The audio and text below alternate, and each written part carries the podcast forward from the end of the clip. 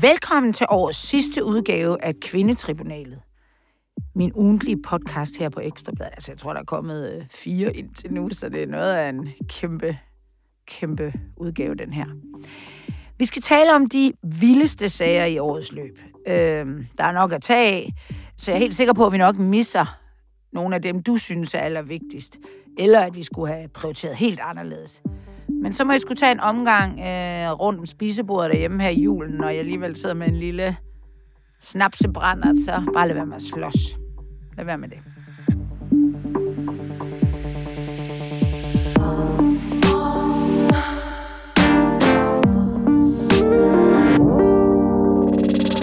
Dagens flotte panel er Camilla Sø, debattør, initiativtager til bevægelsen En blandt os, venstrekvinde og PA-konsulent. Anne-Sophia Mygind Hermansen, kulturkommentator, ordstyr, foredragsholder. Du er vel også journalist og alt muligt andet. Jeg har bare været inde og planke dig Jeg er på faktisk LinkedIn. ikke journalist, det er jeg stolt af. Jeg er magister i litteraturhistorie og filosofi. Tak. Joachim B. Olsen, politisk kommentator på Ekstrabladet.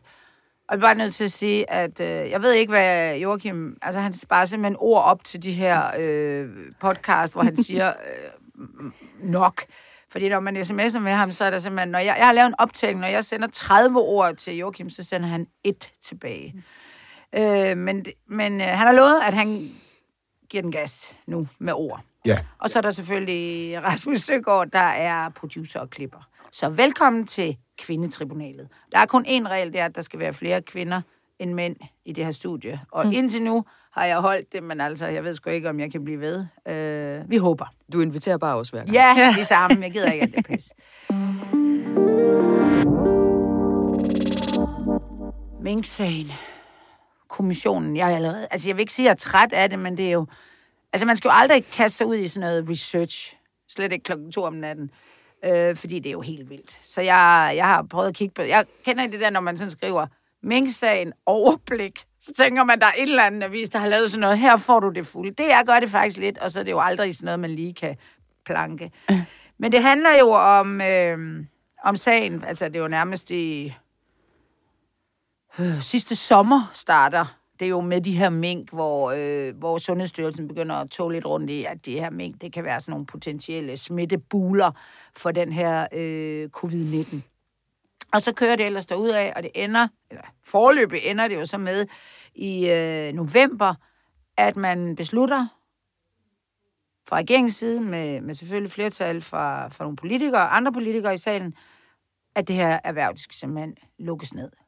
De skal bare gå i gang med at skyde dem, aflive dem. Jeg ved sgu, tror sgu ikke, de skyder dem. De afliver dem næsten med noget gas. Og så... Øhm, og det, øh, det bliver der sgu lidt ballade om, men man øh, beslutter på grund af covid-19's rasering, at man vil udsætte, med, hvad skal man sige, tage stilling til det senere, og nedsætter derfor sådan en hurtigt arbejdende minkkommission, grænskningskommission, der nu har vi hjemme i min familie hver dag, øhm, som skal finde ud af, hvad der er op og ned i den her sag. Og det har så kørt i øh, en måneds tid efterhånden, halvanden. Siger du, Joachim, det er dig, der er eksperten på det, du har siddet og fulgt det. De er ved at være færdige, er det ikke? Og de er ved at være færdige nu. Så kommer der en konklusion til april. Så Så er det det. Og hvad er dit bud på? øh, Hvad bliver den konklusion? Nu har du, Ja, hvis altså, lige mit- sige, du har mistet dit skæg til et Ja. vedmål, så Ja. lad det være med at... mit, mit bedste bud er stadigvæk, at øh, jeg tror ikke, at Mette Frederiksen kommer fra nogen rigsret. Der mangler ligesom en rygende pistol i forhold til, at hun skulle have vidst inden den 4. november, hvor hun holder det der pressemøde, at der ikke var hjemmel til den beslutning. Men jeg må indrømme, jeg er kommet lidt med i tvivl i forhold til, hvor alvorligt det her kan blive for hende efter rigsretten. øh, Ja, med, med færdig. Støjberg. Ja. Ja. Fordi der har ligesom været sådan, øh, sådan det, der har været sådan rimelig konsensus omkring blandt de sådan fleste juraeksperter, er, at øh, man kan ikke rigtig holde ministre til ansvar for noget, hvis de ikke er klart og tydeligt advaret om, at det, de har gang i, det må de ikke. Og, øh, og, og nu har rigsretten ligesom slået fast, at du behøver sikkert få en fuldstændig klar advarsel. Hvis du, men, altså det er ministeren, der har bolden, der, der har det øverste ansvar.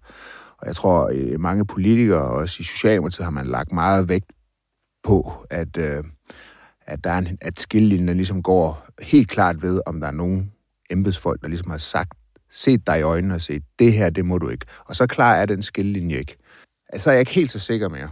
Men, men hvis jeg skal gætte, så kommer der ikke noget, nogen rigsret ud af det. Noget af det, jeg er nysgerrig på, og som du måske også kan hjælpe med, Joachim, det er, at de har jo siddet øh, i hvert fald mere end en i det her koordinationsudvalg, hvor beslutningen er blevet truffet.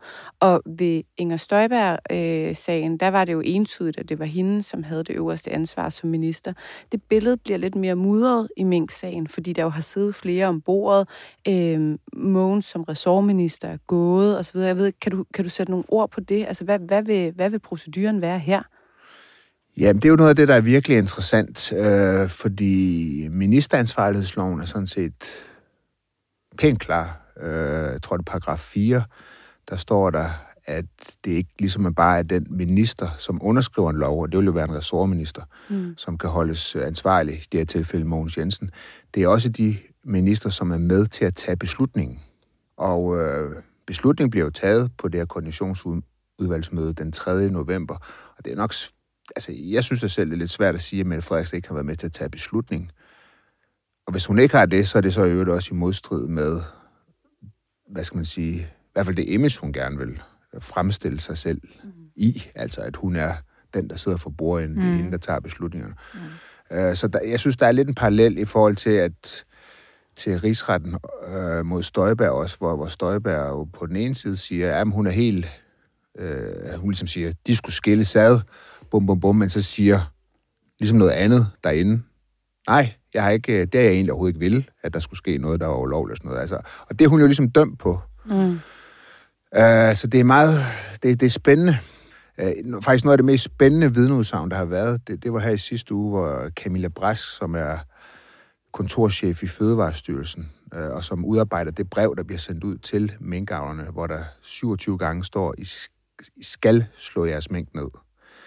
Og hun siger jo ligesom, at øh, hun bygger øh, det brev på det pressemøde, som bliver holdt den 4. november, hvor statsministeren jo siger, mm. øh, minkene skal slås ned. Mm. Og det minder jo utrolig meget om øh, Støjberg-sagen ja, i den forstand, at der er en pressemeddelelse, pressemeddelelse, som de bygger, som, ja. som de tager som en instruks. Ja. Og hun siger jo, vi, de tager det pressemøde ja. som en instruks. Det er det, mm. de bygger det brev på. Så meget har jeg heller ikke fulgt med i det helt ned i detaljen. Men jeg har ligesom forstået, at der var sådan nogle, nærmest nogle dokumenter, der hed instruks, og hvis ikke der var sådan en, og bla bla bla. Men det, det, det, det er ligesom, nej, det kan godt være en pressemeddelelse, eller et pressemøde, og det eller synes et interview. Jeg, et interview. Eller et interview. Ja, et interview, eller ja. et eller andet. Hvilket jeg synes er cool nok, fordi øh, det er sgu da den eneste lov, vi har, de skal de skal holde. Mm. Og jeg, jeg, jeg synes, at altså, man, det bliver også lidt barnligt, gør det ikke det der med, altså, hvis ikke øh, der er øh, et, et dokument, altså, der viser, at vi har fået det at vide, altså, det er sådan et barnligt. Jeg har en søn, der 18, altså, jeg siger, har du nappet noget af, af det der gin i vores, øh, i, på den der bar, vogn, vi har, fordi jeg skulle lige til at lave noget til nogle gæster? Nej, nej, siger han så. Det har du da, siger jeg så. Det er da ikke opdaget. Og så siger han, du har aldrig sagt, at jeg ikke må tage gin fra den der bar, hvor jeg var sådan, luk der skuffen, men altså, du skal ikke tage en skid fra den der løjter. Jeg føler mig, om jeg er tilbage i 70'erne med min mor og far og noget tolvfrit, jeg har nakket. Men det er sådan, altså ikke barnligt den måde, de siger, altså hvis ikke vi har fået at vide af de voksne, mm. at vi mm. ikke må, så, så, så ved vi det ikke. Må jeg køre det hen et andet sted? Ja, altså lige sådan to observationer. Det ene det er, Mette Frederiksen har jo vist sig at være en uhyggelig stærk statsminister, og hun stod jo på et tidspunkt til at have en opbakning, var det på 30 procent. Mm. Og hvor det vi nu har set, det er, at den, der måske er den største trussel mod Mette Frederiksen, det er Mette Frederiksen selv. Ja. Det, det er jo blandt andet en af læringerne for det her. Det andet, det er, hvad med hele deres politikudrulning? Nu har vi fået deres øh, udflytning af uddannelser. Vi har fået noget omkring øh, nærsygehuse øh, og den slags. Hele policyudviklingen, politikudrulningen, øh, virker til at være gået totalt i stå. Altså, det virker mere eller mindre som om, regeringen er blevet lammet af den her sag. Hvor kommer det eventuelt til at stille en Mette Frederiksen, hvis vi virkelig tager krystalkuglen frem, i forbindelse med det næste valg? Fordi hvad har hun leveret, også på det, hun havde lovet, før hun tiltrådte?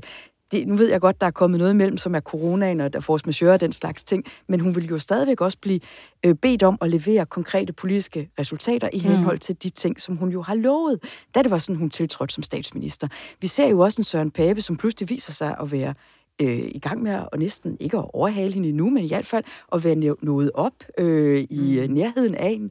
Og det, som Bare ved vi, være der som borgerlige jo havde troet, var en drøm, som vi godt kunne skyde en hvid pil efter, nemlig at få et borgerligt styre igen, nærmest i det her årtusind, virker jo selv nu også at være inden for rækkevidde. Ja. Det er nogle af de ting, som der jo er kommet ud af det her. Hvor tror I, det her det stiller Mette Frederiksen, når det sådan, der kommer et valg igen? Ja, man kan sige, Pape har jo sådan set overhalet hende på troværdighed. Han er den mest troværdige partileder nu. Øh, jeg synes, du har helt ret, at, øh, at det, altså både selvfølgelig corona, som jo så ifølge vælgerne har håndteret godt, øh, det har været en vindersag for hende. Spørgsmålet er selvfølgelig, om det bliver ved med at være det. Det, det er nok ikke lige så stor en vindersag nu, som det var i sidste år. Uh, men ellers så har hun sådan set kun Arne-pension, som rigtig kan sige, det gik jeg til valg på, det har jeg mm. fået gennemført. Øh, så har hun nogle andre løfter på sådan udlændingområdet, øh, udrejsecenter i Rwanda, eller hvor pokker det skal ligge. Det kommer nok ikke rigtigt til at ske. Og så står hun ligesom over for nogle forhandlinger, som er... Altså de her Danmark kan mere et om at øge arbejdsudbuddet og sådan noget, som jo nok ikke er sådan en stor vindersag for hende. Altså fordi hun ligesom er gået til valg på det modsatte, stop for reform af mok og så videre. Øh, så jeg er faktisk meget enig. Altså, det er svært. Så, jo, så har hun haft det udflytning af arbejdsplads, som er også noget, eller øh, statslige arbejdspladser og uddannelsesarbejdspladser. Ja. Men, men spørgsmålet er, det har jo bare vist sig i kommunalvalget ja, at være præcis, noget, at af det, en, øh, noget af en boomerang, der lige rammer hende ja. i nakken. Altså, fordi... de havde forventet, at de ville tabe ja, på den der strategi ikke... med at appellere meget til det gule Danmark ja. og, og vælgerne uden for byerne. De har bare tabt meget, meget mere på det, end de selv havde regnet med. Også, mm. også på et niveau, hvor det ikke er holdbart for Socialdemokratiet. Mm. Så de står, jeg er meget enig. Men hvad tror I, der kommer til at ske i, øh, i 2022? Fordi der var jo lidt af en losing, altså i forbindelse med kommunalvalget. Jeg ved ikke, om det er Mink-sagen og de slettede sms'er, der betyder vanvittigt meget, øh, nødvendigvis over i landstækkende. Det tror jeg ikke. Måske er folk også trætte af den der retorik. Altså København ja. skal bashes, mm. øh, eliten skal bashes, arbejderismens fremmarsch osv. Det betyder sindssygt meget. Folk, Jamen, og de gik jo tilbage i alle de store byer, ikke? Øhm, og det tror jeg netop er, fordi man har kørt benhårdt på den her Københavner-bashing, og nu skal det hele ikke centreres her. Øhm, og det, det straffer vælgerne bare helt tydeligt. Mm, jamen, jeg var også enig, men jeg tænker nu også, at nogle af, noget, af, noget af den håndtering, der har, der har været af corona og, og, og hvad hedder det, og retorikken øh, giver også bagslag. Altså den der, øh, der er faktisk mange mennesker, der var, blev lidt træt af at høre på lønmodtagere, som, altså den der sådan lidt gammeldags, mm. altså folk, der arbejder ude bag et skrivebord i en eller anden stor virksomhed, whatever, gerne privat åbenbart. Øh, det, det er heltene i Danmark. Og jeg tror, at selv nogle af de der, der sidder derude, synes ikke, de er mere helte end andre. Altså den der sådan old school, vi skal, vi skal redefinere, hvad en arbejder er. Mm. Og der tror jeg bare slet ikke, folk er. Altså vi er blevet alt for forskellige til at blive inddelt i de der kasser. Yeah. Så de sådan hiver det frem, og der bliver, og man kan sige igen tilbage til Mink-sagen, altså selv, altså, altså mange jyske socialdemokrater fik jo også nok af det, altså, man øde, altså det der med at lægge et helt erhverv ned. Og så bagefter stå og sige, det, det vidste jeg ikke, det vidste vi slet ikke, der skulle lovhjelm til. Altså, der skal lovhjelm til Altså, tatovørerne er de ikke nærmest blevet lagt ned, fordi nu har man lavet et eller andet lille lov om nogle farver, de ikke må bruge. Nu mm. de, altså, så lidt skal der til, og her, der går man så bare ud og siger, skyd lortet, alt. Altså, men har apropos... folk ikke fået en, måske en lidt en træthed af den her, undskyld, jeg siger det, magtdemonstration? Jo, men apropos helt erhverv, så har hun altså også en udfordring med de sygeplejersker. Mm. Øhm, og der er man jo så kommet dem øh, lidt i møde med, med finansloven, men der er stadigvæk jo øh, ikke udsigt til, at corona fjerner sig lige forløbig. Stadigvæk massiv pres på sygehusene, og, og det, at hun så stiller sig op på et pressemøde og siger, at nu må, må jeg kan ikke huske den præcise formulering, men at hun siger, nu må I lige give den en lille ekstra skalle, mm. ikke? er jo en enormt provokation over for et Jamen, helt er det ikke sådan lidt gammeldags socialdemokratisk retorik, sådan noget i, altså, i gamle dage? Kunne man godt sige til arbejde, nu skal I lige... Altså, det, mm. folk køber ikke ind på det mere. Jamen, de synes også, at de har givet den en skala. Ja. Det, de har fået, det er et ja. honninghjerte ja. og en lang næse. Ja. Og det kan jeg egentlig godt forstå, de er trætte af. Men altså, omkring det der med, øh, magtbegrebet, magtfuldkommenhed, er jo noget, som vi også har begyndt at diskutere igen. Hvad magt gør ved folk? Mm. Og det var en af dine pointer før, Joachim, det var netop også, at hun har jo bygget en historie op omkring sig som en, der koncentrerer magten omkring sin person og en meget lille kreds. Og det gør hende jo altså også meget, meget sårbar. Ja. Øh, hvis jeg må komme med en historisk parallel, altså øh, klassisk har det jo været sådan, at når de tidligere romerske sejrherrer, de mm. øh, kom øh, ridende tilbage mod Rom, så havde de en slave, der viskede i øret på dem, memento mori. Husk, at du skal dø. Det er måske meget nyttigt en gang imellem ja. at have nogle folk, som også taler magten direkte imod, mm. og som også minder en om egen ydmyghed. Mm. Men det kan det jo så være, at øh, en mink-kommission kommer til at minde Frederik, Mette Frederiksen om nu. Ja, ja det, det kan være. Kommunalvalget gav hende i hvert fald en påmindelse om det. Ja. Og jeg, jeg, jeg, jeg har jo min lille kæphest, som jeg også, jeg tror, jeg kom med i sidste øh, program, da vi talte øh, Støjberg, det er jo et embedsværk, der er svagt. Altså, mm. der ikke gør, altså ikke bare svagt, men stærkt på den der socialdemokratiske måde med Barbara Bertelsen. Der er ingen hæmninger har med at sige, at det her det handler om regeringens liv, hvor vi alle sammen mm. vel troede eller skulle tro, at det handlede om vores liv. Og, øh, altså, og enten sådan nogle øh, øh, meget korrekte mænd, der ikke tør... Altså, de virker jo som om, de får tæsk med et vådt håndklæde af... af, af Barbara Bertelsen, ja, sådan en bad woman. Ja, ja. altså, øh, det har vi sgu da ikke rigtig set før. Hvor er, hvor er det der altså sådan lidt øh, britiske stiffer, altså hvor de er ja. sådan mere ordentlige end... Øh, jeg har selv øh, en søster og altså en del af familien, der er inden for etaten, og de er satanet med i orden. Altså. Hvis der udbryder krig, så anytime, så ja. skal jeg være på samme side som Barbara Bertelsen. Ja, 100. Men så. det er jo måske også det, som er en af mange akilleshæle ved en mm. etpartiregering. Ja. Det er, at man er omgivet af folk, som giver en ret. Og det kan man jo se på ja. dem. Altså, der, jeg kan ikke huske, hvilken avis, der lavede sådan en opgørelse over de særlige rådgivere, der er, de forbindelser, ja, der er mellem særlige stor... rådgivere og ministre, og at de alle sammen i et vist omfang har været DSU'er i deres unge dage. Ikke? Æm, så, så det er jo måske altså en læring, øh, fordi da øh, Inger Støjberg udsendte sin ulovlige instruks, der var Venstre også alene i mm. regeringen. Og det kan være sundt, at der er nogen, der står og sådan lige hugger bremsen i, øh, i og siger, hey, er det her egentlig lovligt?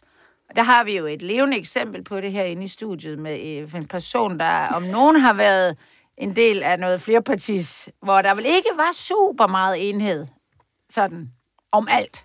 Nej, nej, Black? Nej. Nej, det var der ikke. Der heller ikke der var meget dysfunktionelt. øh... Men ja, der, der er der jo ikke nogen sager, der kommer jamen, altså, ud jeg tror, en af, en af forskellene er nok, at øh, altså, egentlig har det jo været ekstremt øh, funktionelt at have den her etpartisregering. Mm. Altså, det skal man bare huske. Der kommer det der corona ind. Ja, ja. Mm. der er ikke så meget at er jo også en, øh, er en, øh, ligesom jo et, et konsekvens af corona på en mm. eller anden mm. måde. Men indtil da, der er det jo meget, meget øh, harmonisk øh, mellem regeringen og støttepartierne. Øh, der er ligesom sådan en stiltigende aftale om, at Socialdemokratiet får lov til at føre en stram udlændingepolitik i modstrid med de andre stø- øh, støttepartiernes øh, politik. Ja. Til gengæld så får de, så får de så noget på økonomi ja. og så videre. Det er egentlig meget, meget øh, harmonisk. Men så kommer der så det her corona, og der skal så tages nogle beslutninger, som jo også er vilde selvfølgelig, fordi det er en helt ekstraordinær mm. øh, situation. Og det er der, jeg tror, at den der, hvad skal man sige, der, der bliver de der problemer, som I også taler om nu, med et embedsværk og en etpartisregering, øh, der bliver det ligesom blæst meget op og bliver meget tydeligt, øh, at øh, der ikke rigtig er nogen til at træde på bremsen. Og så handler det måske også meget om Mette Frederiksen selv. Mm. Altså hun har jo haft et projekt om at centralisere i statsministeriet, om at magten skulle forskydes fra embedsmænd over til politikerne, som jeg faktisk godt kan forstå. Mm. Jeg kan faktisk godt forstå hendes projekt. Mm.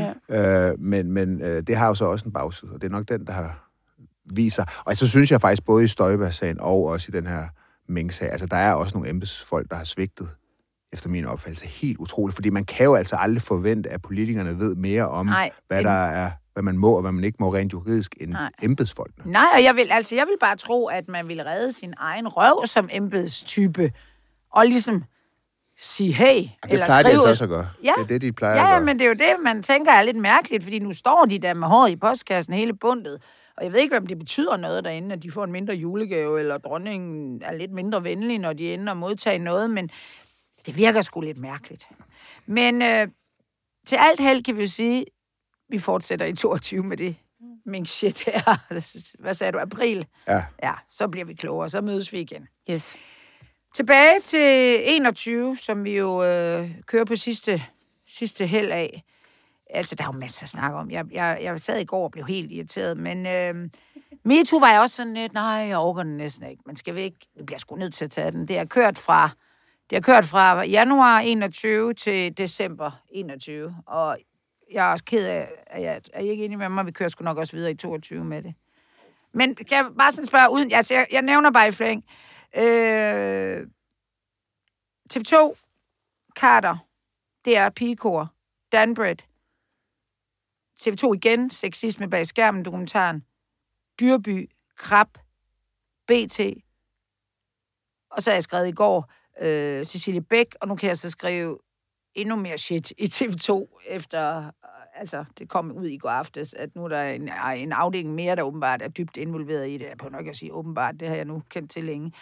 Og så, så mangler vi Ola Østerby og serie, ja, seriekrænkeren fra S. Jamen, ja. der, var jo, der var jo også ham, hvor de så altså, sendte øh, den daværende partisekretær Jan Juhl ja. ud for at svare på kritiske ja. spørgsmål. Øh, og hvor Mette Frederiksen jo flere gange har sagt, at, at sexisme er fuldstændig uacceptabel, både ude i samfundet ja. og i Socialdemokratiet selv. Men når det så kommer til at altså man sige, stå, stå på mål for, hvad der foregår i egen baghave, så sendte hun en ikke særlig medievandt øh, Jan Jul for løverne. Det synes jeg faktisk ja, var, også vildt, det var ganske organisatorisk, uklædeligt. Jeg ja. tror, hun, hun mente med det træk, det, der trækker de sådan et organisationskort. Vi faktisk ikke, altså det er jo en chef, der går ud, eller sådan mm. en, der hyrer og fyrer. Det var ham, hun prøvede at sende på banen, så det ikke blev et politikersvar. Det blev så bare til gengæld virkelig dårligt ledelsesvar.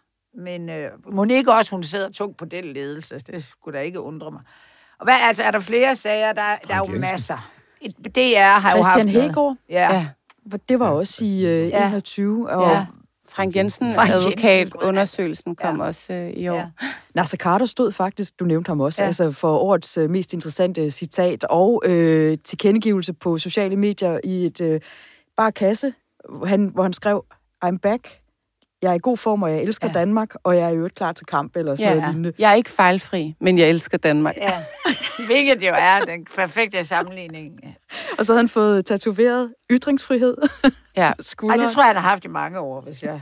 Altså, men det var der, vi så den flotte ham. tatovering. ja, ja, det er nemlig rigtigt. Jamen altså, det, der er jo ingen ende på det, og der, og der er jo, øh, undskyld, jeg siger det, når man kommer i det blå erhvervsliv, vil sige, så er, jeg tror slet ikke almindeligt, altså folk, der ikke har med topledelse at gøre, er klar over, hvor mange sager, der bliver lukket mm. hver, altså hvor folk bliver, undskyld, jeg siger det stadigvæk, listet ud af bagdøren. Jeg tror, det, hvis man kunne måle på det, så man siger, at de penge, de får med sig, er blevet færre. Altså, der er simpelthen, øh, man, man, man, har, man kan godt tillade sig som virksomhed at sige, nej, du skal ikke have et års du skal bare fucking ud nu. Det er jo advokater, altså alle mulige, der ryger ja. ud, og de går ikke så meget i medierne, hverken krænkerne, offrene eller, eller virksomhederne. Har vi nævnt Danbred?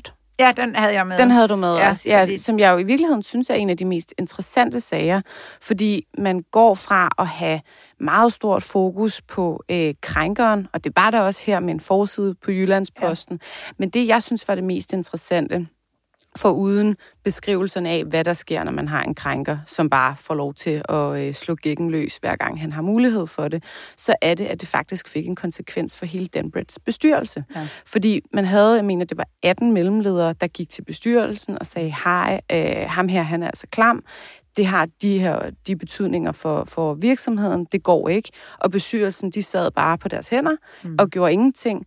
Og når man så får rullet den her sag ud og set, at de faktisk har jo, synes jeg, vist grov uaksomhed som bestyrelse, så har det også en konsekvens, og så røg de alle sammen ud mm. på røven. Ja, og led, jeg tror faktisk også, det mindste af direktionen ja. røg, og så røg øh, direktøren for Landbrug og Fødevare, så det er faktisk en af de store sager. Ja, men, men det bliver interessant at følge TV2's bestyrelse ja, også ja. i 2022, ja. fordi når vi ser på, hvordan øh, Frank Jensen også forsøgte at gøre sig selv til ikke bare problemet, men også løsningen på problemet, den der ville være bedst egnet til også at få Ja, det gjorde Morten Østergaard også i starten. Det ikke? gjorde Morten Østergaard også, men det gør Anne Engdahl Stig Christensen faktisk ja. også. Ja. Øh, administrerende direktør for TV2, som jo ellers øh, ikke har haft øh, kendskab til øh, den seksualiserede øh, eller sexistiske kultur, der har været på TV2.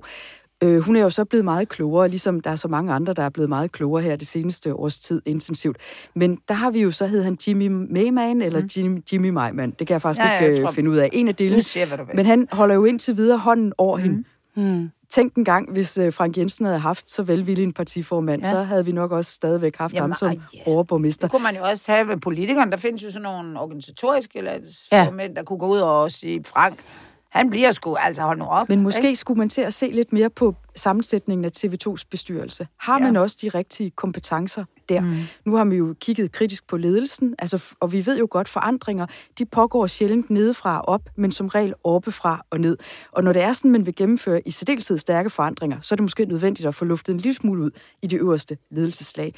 Anstig øh, Christensen har jo excelleret i sager om at uddele kondomer i forbindelse med seminar, øh, at hun har kommet med opfordringer til, at man kunne give hende et øh, klap bag i. Og hun det, vil ikke hun vil ikke sladre til nogen, og får så sagt, at det er bare lækkert at blive klappet lidt bag i.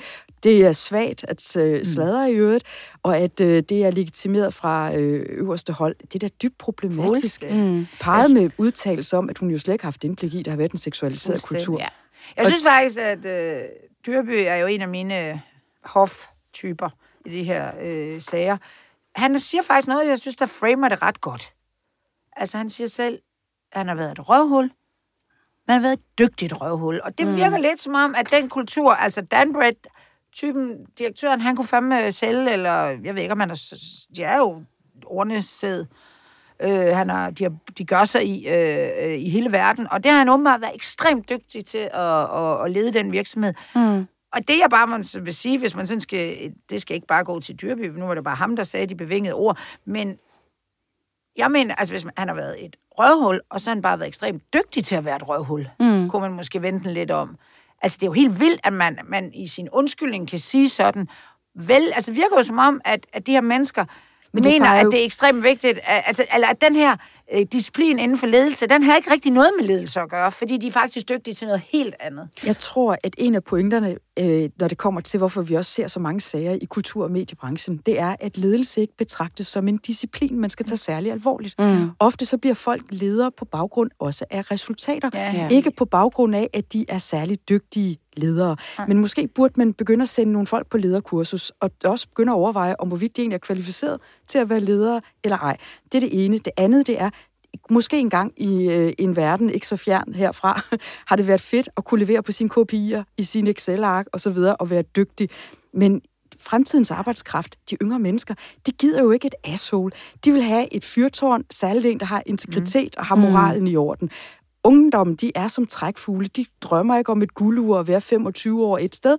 De kommer til at gå fra arbejdspladser, hvor moralen ikke er i orden. Og de her arbejdspladser, som for eksempel TV2, måske også BT. Nu skal vi lige deklarere mig selv. Jeg kommer jo fra Berlingske. Jeg er en del af det Berlingske Officin, som også rummer både Weekendavisen og BT. Det kommer til at blive et problem rekrutteringsmæssigt, hvis ikke der bliver ryddet grundigt mm. op. Mm. Ja. Men det er der jo blevet på BT. Dyrby er jo gået. Mm. Og så, så er tiden bare løbet fra den der, hvad skal man sige, øh, standardbemærkning, der hedder, det findes ikke hos os. Fordi nu har vi efterhånden, og grund til, at vi taler om det igennem så lang tid, er fordi det er alle steder, mm. i alle brancher. Så luk øjnene og sige, det findes ikke hos os. Det gør nogle mennesker så ekstremt provokeret, at de vil have behov for at gå ud og bevise, at det gør det så. Ja. Og så er det, tingene folder sig ud i pressen. Ja. Og så er der nummer to, det er den her, jeg vidste det ikke. Jeg så det ikke. Øhm, som, som man også så flere øhm, chefer, også fra, fra Berlingske koncernen, være ude og sige. Og det er jo ikke rigtigt. Altså, vi har jo set det alle sammen. Mm. Og så er spørgsmålet, om man så er blevet klogere, men ved at gå ud og fuldstændig hælde nogle af de her episoder ned af brættet, som om man, om det var ikke, mens jeg var til stede, eller øh, det, det eksisterer ikke hos os. Det, det tror jeg simpelthen er en rød klud i ansigtet på ja, dem, som ja, ved, at det, det findes. Ikke? Jo, lige præcis. Det bliver ekstremt provokerende, ja. og det vil jeg også bare sige til virksomheder og ledere. Altså, jo mere I siger, at I ikke har set det, eller I ikke ved det, jo mere sidder der nogen i jeres mm. organisation og siger, prøv at høre, det er pisse, det gider simpelthen ikke at høre på. Præcis. Og så kommer det. Så det er en lille... Vi er jo ikke... Joachim er jo ikke på den måde smuttet fra programmet her, hvor vi sidder os øh, damerne. Hvad, hvad, hvad er det? Sidder du bare tilbage og tænker, nej. Er det ko, vi har inde, eller hvad er du for en? Er du også mig. feminist? Nej, jeg er ikke feminist.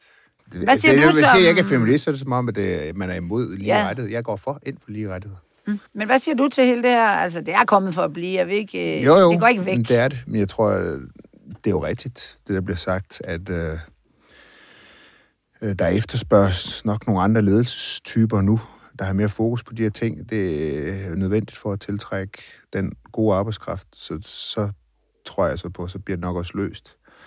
Men altså, når du siger, altså, jeg må bare sige, jeg har, jeg har været i politik, og jeg kan, jeg svæver, jeg har aldrig, aldrig oplevet det. Jeg har aldrig set det. Jeg har aldrig set det. Men hvis du ikke, at, hvis du ikke det skete, Joachim, altså, du, du har aldrig... Oprigtigt. Du har aldrig hørt om øh, nedsættende kommentarer. Du har aldrig hørt om folk, der knaldede deres praktikanter. Du Jo, har, jo. Altså, nå, men det, Men jeg har bare aldrig hørt, at, de ikke, at der var nogen, der ikke havde lyst til det. Altså at få en nedsættende kommentar? Nej, nej, at knalde er knald. Altså, jeg Men- godt, men der var okay, masser, der er knaldede med hinanden. Men det er faktisk noget. meget vigtigt, at vi tager fat i den her. Fordi jeg vil gerne forklare, hvad det er, der sker, når man starter et sted, hvor der er nogen, der knaller med alle sine praktikanter. Der sker Jamen, det har jeg så flere ikke ting. oplevet personligt. Jeg har bare hørt nogen. Know, jeg, I altså, jeg Ja, ja, har ja. kendt nogen, der har knaldet deres yes. men jeg har hørt, at du ved... Men, Men- det, det er vigtigt at få fat i den her, fordi det, der sker, det er for det første, at vedkommende, der gør det, får et ry for, at, at øh, han, hun knaller med alle sine praktikanter.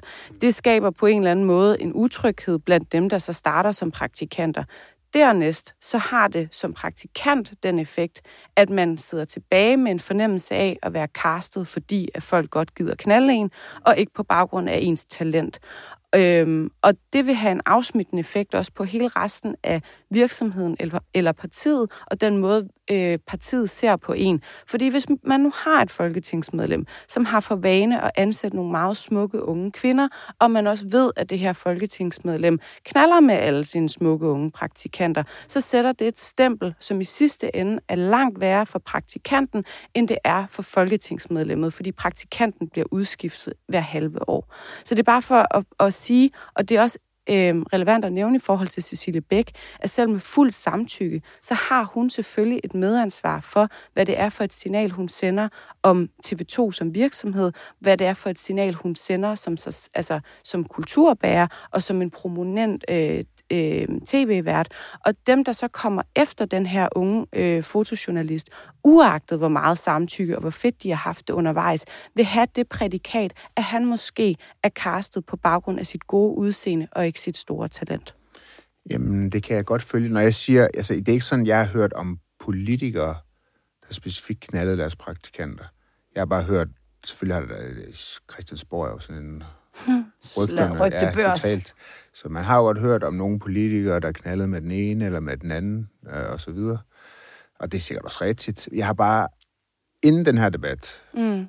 så har jeg aldrig bemærket noget særligt. Jeg kan da være sådan en sexistisk omgang, to, ikke sexistisk, altså du ved, seksuelle jokes og så videre. Ja, ja. ja. Et sjofel eller Ja, ja, under noget- bæltestedet. Er det ikke sådan noget, vi kalder det? Men Joachim, hvad har du selv tænkt om en politiker, som øh, knaldede praktikanten? Nå, men der har været nogle politikere, hvor der jo har været nogle rygter om, at de, du ved, knaldede med nogen i Ungdomspartiet eller sådan noget. Og, øh, Hvad har du tænkt om det? Jamen, det har jeg synes var dumt. Altså, Ja. jeg synes, de, jeg forstod ikke, de, det var en mærkelig risiko at løbe, synes jeg. Mm. Også Altså, fordi du, der du blev, tænkte, der altså, blev du, talt om det. Du, vidste, du, har, alligevel- du har jo tænkt, hvilket jeg også har gjort, når man sådan hørte om det tidligere, at der var en eller anden risiko i det. Det er også derfor, folk har alligevel gået lidt stille med dørene, så de har kørt meget på sådan noget rygte-niveau. Jo, jo, men ikke? det er jo det der med, altså, du ved, hvem folk de knaller med. Altså, det, Ja. ja. det er jo det der igen. Det har folk vi gerne aldrig ville knalde med hinanden. os i, vel? Ja, ja, folk må gerne knalde med hinanden, Ja. ja. hvis det er frivilligt. Og Jeg har, ikke jeg har en hørt, jeg, har ikke hørt, jeg har aldrig hørt om nogen, der ligesom er i politik, som har knaldet med nogen, som ikke havde lyst til at knalde. Nej. Så er det jo en helt anden sag. Så Men der er jo nogle politikere, der ligesom havde et rygte om, at du ved, så knaldede de nogen sige- fra VU, eller hvad det nu var, ikke? Men det vil heller du ikke, eller, vi har jo heller ikke tænkt på den her magtrelation. Nej, ret, nej. Ret, altså, Jamen, så forstår jeg, har- så man har forstår vidst, jeg, den hvad, var hvad du der. mener. Ja, så Men man, altså, altså, man tror ikke, man har tænkt på, på sådan, øh, konsekvenserne af det, øh, altså for eksempel kulturmæssigt. Mm mm, Jeg tror, det tror jeg simpelthen ikke, jeg vi har tænkt på. Jeg tror, der er en anden pointe i det også, og det er et, vi har ofte set mænd gøre det, og så er til de kvinder, der har gjort det, er også blevet kategoriseret som progressive, fordi de er gået ind på den bane. Det er ligesom, når vi ser kvinder, der går til mandestrip, så synes vi også, de er frigjorte, syntes ja. i hvert fald tidligere, mens ja. mænd, der så på kvinder, der smed tøjet, de var bare klamme. Altså, der er nogle dobbelte Ja. ja. standarder, som mm. det også kan være nyttigt at få ryddet op i. Jeg tror, en af diskussionerne i 2022 også bliver, hvordan skal vi forholde os til relationer på arbejdspladsen? Fordi hvor knipske skal vi være? Ja der er jo eksempler på true love, som er opstået på baggrund af en relation, der er gået meget, meget øh, mm. vertikalt gennem øh, hierarkiet, altså fra en direktør til en praktikant for eksempel. Det er jo sket. Hvad mm. gør man i den situation? Her må alle virksomheder have nogle øh, politikker på området. Medievirksomheder og kulturvirksomheder må selvfølgelig også. Jeg har selv engang været et sted, hvor jeg indledte et forhold til en direktør. Vi øh, blev bedt om at gøre vores stilling op. En af os skulle forlade arbejdspladsen. Jeg var ikke på det tidspunkt praktikant, men jeg var i hvert fald under ham hier- øh, hierarkisk det var holdningen. Vi elsker kærlighed. Vi sætter pris på, at der kan opstå varme følelser ja, og andet. Men, må... men det bliver noget følelsesmæssigt mm. råd, så hold venligst jeres underliv ud af mm. arbejdslivet. Mm. En af os måtte forlade virksomheden.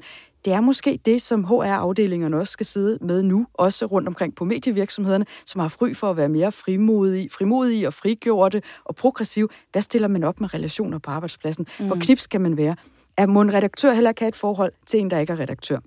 Må en chefredaktør mm. have et forhold til en redaktør? Altså, hvor, hvordan skal det gå i hierarkiet? Må man heller ikke have et forhold til en freelancer? Heller ikke, hvis man er praktikant, mm. eller hvordan? Men nu taler du også forhold. Hvad med... Ja, jeg, jeg tror, du mener alle forhold. Jeg taler næsten, om relationer, ja, og det ikke, er også ikke indgangsforestillinger. Men det er jo interessant. Men det er jo meget svært, at, altså hvis to voksne netop... mennesker har knaller med hinanden til Joachim, julefrokosten. det er præcis altså, det, jeg altså- stiller men, som et spørgsmål. Ja, okay. Hvor knips skal man være? Ja, men jeg tror bare, at nu har jeg jo været i, i, i en del virksomheder. Jeg har været i amerikanske virksomheder. Der er altså bare no mercy. Det, det, finder, altså det, det, det er ikke sådan noget, det finder vi os ikke i. Det, det gør man bare ikke. Mm. Det betyder så, at når folk så gør det, så tænker de så faktisk mere om. Eller, altså, altså, så kan man selvfølgelig sige, så gør de endnu mere for skjule Ja, men så gør de det. Men der bliver en større bevidsthed, når ledelsen har meldt noget ud, end når mm. de ikke melder noget ud. Ja, og så slipper de også for ja, at sidde med de her sager sige på til hende der. Og det, det er klart, når du, når du har en kone eller en mand, og du knaller med en i virksomheden, som måske også har en kone eller mand eller sådan noget, altså så, så, så tvinger det måske mennesker til at finde ud af, gider jeg egentlig at knalde ved siden af i forhold til min partner derhjemme? Og, så det giver en større bevidsthed. Jeg siger, man kan jo ikke undgå alt det her. Alkohol og libido er vel ikke noget, vi bare afvikler som mink Nej, men måske erhverv. skal vi men gøre det særligt ja, ja. som, øh, som chefer for ja. afviklet altså det her øh, underlige den forestilling, der eksisterer, at man sagtens kan tage til fest og fest igennem ja. med sine medarbejdere og være pattestiv klokken 5 om morgenen. Mm-hmm. Den går jo altså Nej, ikke, og har man må have heller ikke gået for to år siden. Ja. Mm. Jeg tror, vi skal huske på, at i Danmark, der har vi sådan en idé om, at vi egentlig har en ret flad struktur i ja. virksomheder, men altså alle pyramider ser jo også flade ud, hvis man ser det fra toppen. Ja. Og det er jo især ledere, der prædiker, at der ikke er stor forskel, men der er stor forskel. Ja. Og Camilla, præcis det her med, hvordan påvirker det en praktikant, at vedkommende træder ind på en arbejdsplads, hvor man ved, at chefen går ofte i seng med mm. praktikanterne. Hvordan, øh, hvad, hvad giver det for et indtryk hos vedkommende? Hvad giver det også for en sårbarhed? Ja. Alle de der ting er vi blevet klogere på i øh, 2021, og det ja. kommer til at sætte sin spor frem. Ja, og vi slæber os jo igennem de her tabloide kabinet. Altså, nu ved jeg, Ekstrabladet øh, lægger jo ikke øh, skjul på, øh, hvordan de ser på de... Altså, at det handler om at få alt frem i lyset. Og den ene dag er det en eller anden chef, der bliver fuldstændig svinet til næste dag, er det en, et, øh, en, et offer, eller påstået offer, der åbenbart... Altså, der, der, de kører ikke, de kører med den, altså, nu sidder vi jo selv her, så vi må hellere varedeklarere det. Ikke fordi der er nogen, der bliver skånet i det her hus i hvert fald. Man, man tror ikke lige, nu ved man, hvem de holder med, men det gør de fandme ikke. Men altså, sådan må det vel også være, fordi det er som om, vi kan ikke klare det på det her, hvad hedder det, helikopterniveau kun. Mm-hmm. Vi har brug for nogle historier, nogle rigtige historier. Øh, og de, jeg tror sgu, de bliver ved med at komme, og hver gang bliver vi lidt klogere. Og mit håb er vel, at vi kan nå frem til en eller anden tilstand, hvor vi kan klare de her sager, før det bliver så betændt. Jamen, det er klart. Det, og altså, det, der peger pilen igen på ledelserne, ja. som må gøre op med sig ja. selv, hvad er det for en virksomhedskultur, vi gerne vil have. Og det er der mange steder, hvor de allerede har defineret, hvad er vores værdier, og du øh, dukker ikke øh, bagstiv op på arbejde, og du tager ikke af kassen osv. Der må man altså sætte sig ned og gøre op, hvad det er for ja, en kultur, man gerne vil have. Og du kan ikke hænge din chefstilling på en knage sammen med din jakke, når du går ind på Nej. toga. Altså, så den her magtposition, du har, den tager du også med dig ud, selvom du omgås folk privat øh, til en fyreaftensøl. Og det, det skal man jo være bevidst om som ledelse. Præcis, og det går vel tilbage til det, vi talte om tidligere, at hvis vi rekrutterede ledere, med, med gode lederegenskaber, når det kommer til, undskyld, jeg siger det, moral og, og almindelig opførsel og, og empati i forhold til at lede den her, så kan det være, at vi slap for noget af det her. Fordi jeg kan ikke se andet, end det hænger på ledelsen. Det gør det simpelthen. Jamen, det gør det. Og så kan du også sige, så har du i hvert fald ageret imod bedre vidne, hvor det, vi ser nu, er en, øh, nogle sagshåndteringer øh, med nutidens briller, men med fortidens sønder. Øh, og, og der er det som om, der er mange, der kigger på dem, som stiller sig frem med sager, eller kigger på mig, eller andre, der, der er aktive i den her debat, og siger, om, hvad skal den her krænkelse så koste? Og hvornår kan vedkommende vende tilbage i mediebranchen? Hvor hvis du i virkeligheden havde sat dig ned og besluttet dig for, hvad vil du acceptere, hvad vil du ikke acceptere, så havde du egentlig et kodex at operere ud fra. Og så har man så handlet imod bedre vidne, og så kan du sanktionere. Ikke? Ja. Øh, det her virvar er blevet så langtrukken, fordi der er nogle ledelser, der ikke har truffet nogle beslutninger. Øh, for, altså, og så er der jo også spørgsmål, vi ikke er øh, færdige med at debattere, det er, hvordan kommer du tilbage? Ja, altså, hvis det er sådan, du har begået en fejl, nu skal man stadigvæk huske på, at vi er faktisk en kristen kultur, der burde abonnere ja, både på tilgivelse tilgiv. og barmhjertighed ja, og, og den slags ting. Og dog ikke katolik, hvor Men vi det, kan gå hen og Det kan til se ud som om, at det står lidt skrald til med de begreber, altså fordi vi skal huske på, der kan ligge et langt arbejdsliv. For eksempel, mm. øh, der var jo en P1-vært, tidligere vært på programmet Shitstorm, som har sendt krænkende beskeder til højre og venstre, og han ryger også ud på røv og albuer. Men han er ikke særlig gammel. Hvordan kommer han tilbage? Altså, det mangler vi at besvare. Hvor længe er man i karantæne? Han bliver ansat hos et produktionsselskab, det skete også i 21, og der øh, ender det jo så med, at den ansættelse bliver meget, meget kortvarig, eftersom den ophører. Mm. Efter pres øh, fra øh, offentligheden. Men hvad stiller vi op med dem, altså, som, som skal også have en chance for at komme tilbage? Det tror jeg er noget meget vigtigt, det der. Ja. Jeg, jeg tror, det er noget af det, der får mange mænd til at stå af på ja. den her debat.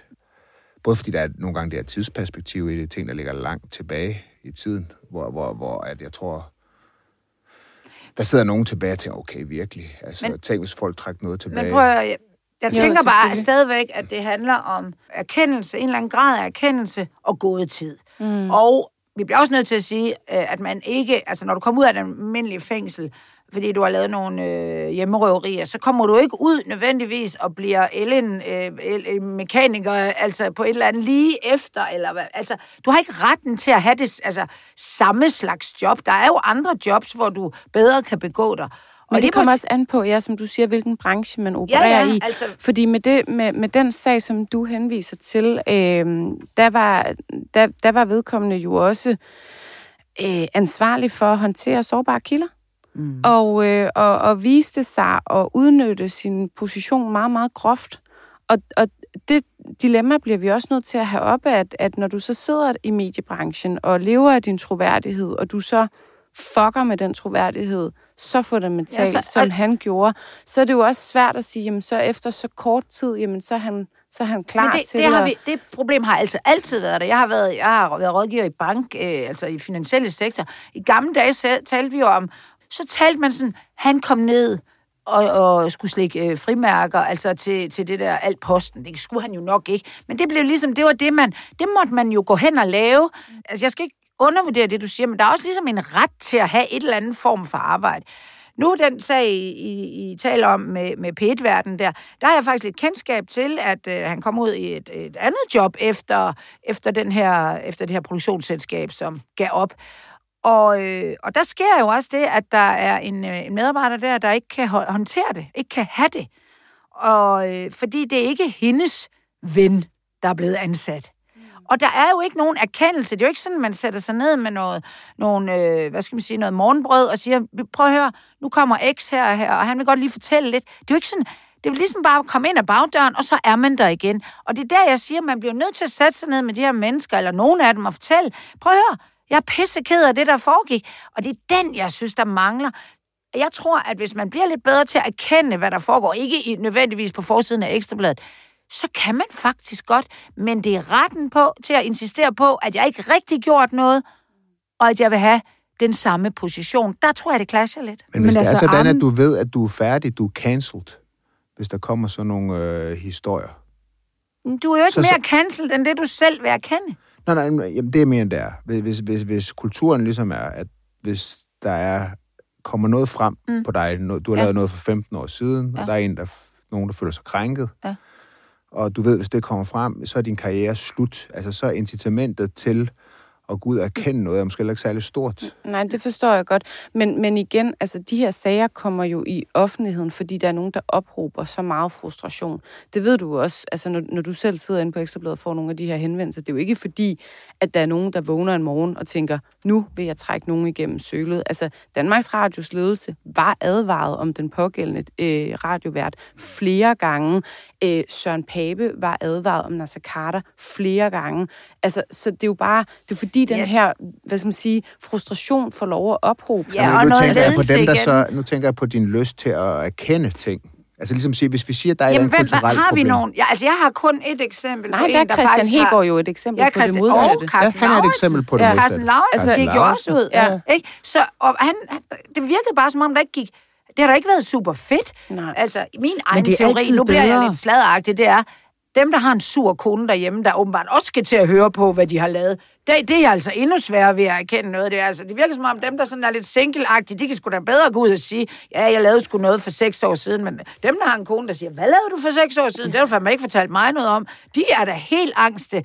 Jeg hørte lige uh, Tove Ditlevsen, jeg hørte sådan uh, en genstart, en, en podcast med Anna Ingris, ja. med Paprika Sten, og det var Tove Ditlevsen, der sagde, Øhm, ja, hun, ej, hun, jeg kan slet ikke, jeg er jo jøde. Hun sagde sådan, ja, er det ikke franskmændene, der siger, at et ægteskab er utrolig hårdt at bære. Derfor må man engang imellem være tre om det. Det, ja. det var så blevet sagt, fordi...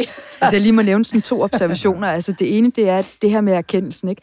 Nu nævnte vi lige kortvejt Cecilie Bæk, og den sag, der er omkring hende, fordi hun har haft et forhold til en praktikant. Mm. Det ville have styrket hendes troværdighed, hvis det var sådan, hun selv i den sexisme-dokumentar, ja. du også har medvirket i, Anna, går ud og siger, der er også nogle ting, som hun selv altså, har fået anledning til at reflektere nærmere over, herunder at hun selv har været en del af et seksualiseret kultur. Mm. Det ville have styrket hendes troværdighed, det ville have lagt sagen ned, før mm. den overhovedet ramte forsiden på Ekstrabladet. Ja. Den anden observation, det er, jeg synes, Cecilia Lonning øh, gjorde noget interessant på Københavns Rådhus. Hun ansatte nemlig en mand, der kom fra KL og havde ja. en øh, MeToo-sag ja, i bagagen. Ret, øh, alvorlig hun øh, lagde det frem for medarbejderne, og hun øh, oplistede, hvad det er, øh, sønderegistret ellers består i, og så siger hun til dem, men for, vi skal have altså en omvendt sønder, altså der må vi åbne vores arme, vi skal have en mulighed for at komme tilbage til samfundet igen.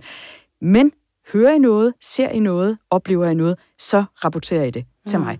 Det vil sige, der var fuldstændig transparens. Og så er der jo også en klogklar erkendelse fra hans side om, at han har begået en fejl. Ja. Så der er mulighed for ja. at komme tilbage, men det kræver ledelse, mm. transparens, erkendelse. Erkendelse. Joachim, kan du... Ja, kan du det kan, altså, det fordi vi har jo ikke så mange af de her, der bare er fuldstændig fået ødelagt hele deres karriere, og når så viser det sig, at der har været nul. De har bare været lam. Det, post, vel, altså, det påstår jeg bestemt. Nej, nej, men jeg siger, det, det er bare... Der jeg bliver også skabt, lidt, skabt lidt et skræmmebillede af, at man ingenting kan, hvis man har gjort noget. Mm. Så nu ved jeg, jeg har et lille bidjob, som jeg heldigvis lever af, øh, med lidt krisehåndtering, og der kan vi bare se, at det er håndteringen, de dør af. Det er ja. fandme næsten ikke, øh, altså hvis ikke vi Men det taler... skete jo også med Dyrby, der ja. var jo også mm. håndtering. Så snart ja. sexisme-dokumentaren kommer, så øh, skriver han en klumme, øh, hvor han beskriver, at han skulle også have været mere opmærksom på, hvad det var, der foregik blandt de andre. Altså, Ingen erkendelse. For der ikke er nogen erkendelse, og så tager han så på ferie og er ikke til at få fat i for pressen i ni dage, øh, selvom han jo selv lever af at sende journalister efter alle mag- mm. magthavere. Mm. Det giver jo så også nogle mm. skår altså i troværdigheden. Så igen, det er håndteringen, det, Men tænk nu, der den med, med afgangen. fuldstændig enig, og hvis vi tænker Christian Hegård til ende, og så siger, jamen, okay, han fik en advarsel, og så dummede han sig igen, Øhm, og fik ligesom en advarsel til, at man kunne blive siddende. Der tror jeg, der vil være nogen, der sad og tænkte, what the fuck? Altså, manden mm. har været ude og kommunikere om samtykkelov og grænser og alt mm. muligt, og har åbenbart ikke øh, respekteret andres grænser. Det kunne sagtens være endt i en rigtig grim sag, mm. og hvor alle mulige detaljer var kommet mm. frem.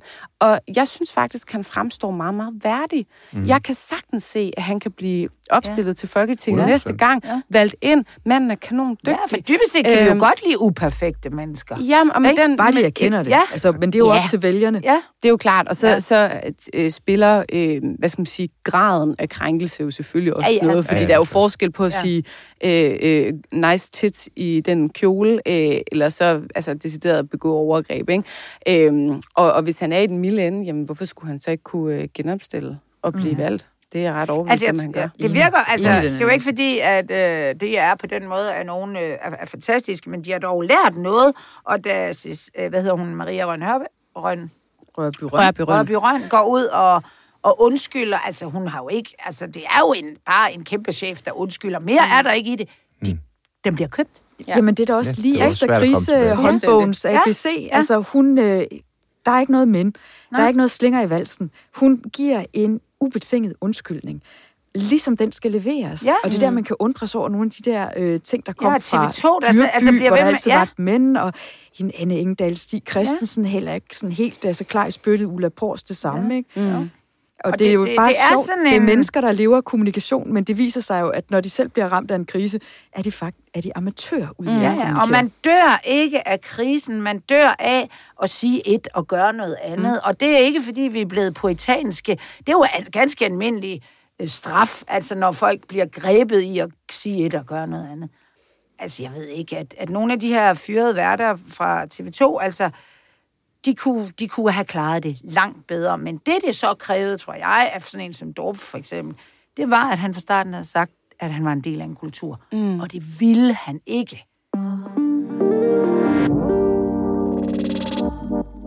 Venner, vi, har, vi, skal, altså, vi kan jo ikke slutte på øh, MeToo.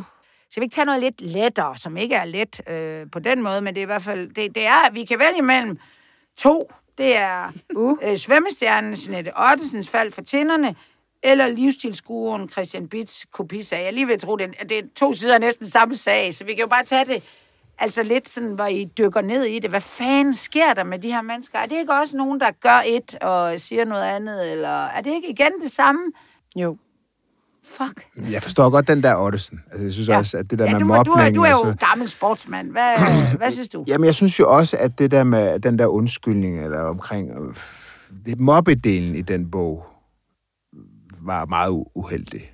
Og jeg er utroligt, at ingen ligesom har rådgivet hende bedre. Men det er jo også forlaget, der sender Ja. ja. det der kapitel afsted, fordi de måske også gerne vil have lidt bitch Ja, fight. Ja. ja. Og lad os huske på, det er Gyldendal, der udgiver Ja, ja, en det er bog altså med et en særdeles side- spektakulær forside, nemlig en dame, der står delvis ja. afklædt. Fri hedder den så.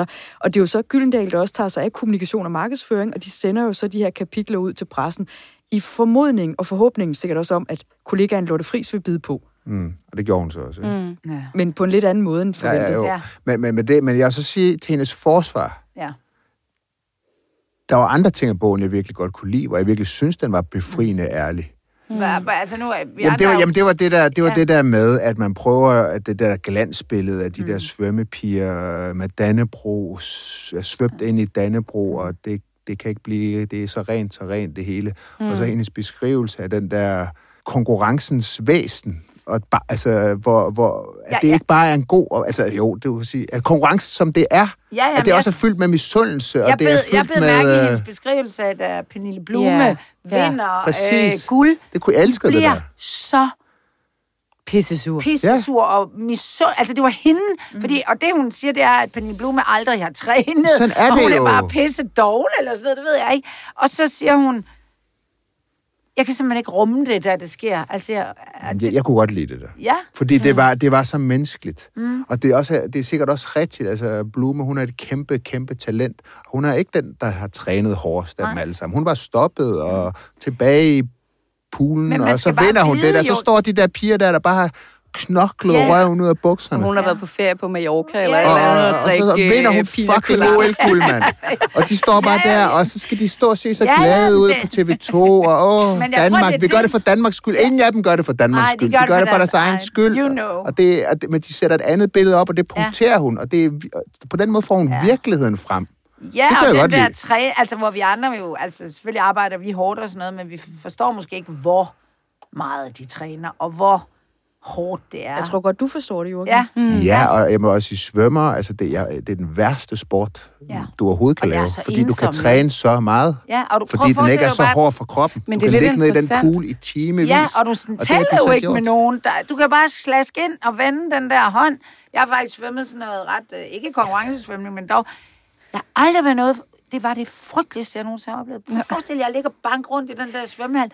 Altså, jeg følte, jeg blev dummere og dummere og dummere og dummere. Men det beskriver jo faktisk det, man også siger i politik, ikke? at dine Jo. største konkurrenter er Præcis. dine egne. Ja. Det er ret interessant. Præcis. Altså, Det for det så kan man, så kan man vise nok så fint Ja, et der er- sammenhold. Ja, og- Ja, og du, du, din egen, din egen form, præstation, den er her, men når der så kommer en anden, der gør det bedre, mm. så ryger din jo helt ned. Altså... Det er ret interessant det her. Det første gang, jeg har været øh, vidne til en diskussion, der handler om bogen, og ikke bare handler om det her famøse kapitel no. om, øh, om Lotte Friis, fordi det, der sker med, med litteratur, nu er jeg selv litteraturhistoriker, det er, at når det kommer i kløerne på en anmelder, så er der kun en lille del af mm. bogen, der kommer til at blive det udslagsgivende for hele bogen. Mm. Altså her der er jo masser af andre emner, der kunne være interessante og relevante at debattere. Det hele er bare totalt druknet i, om hun er en kæmpe mobber ja. øh, eller ej.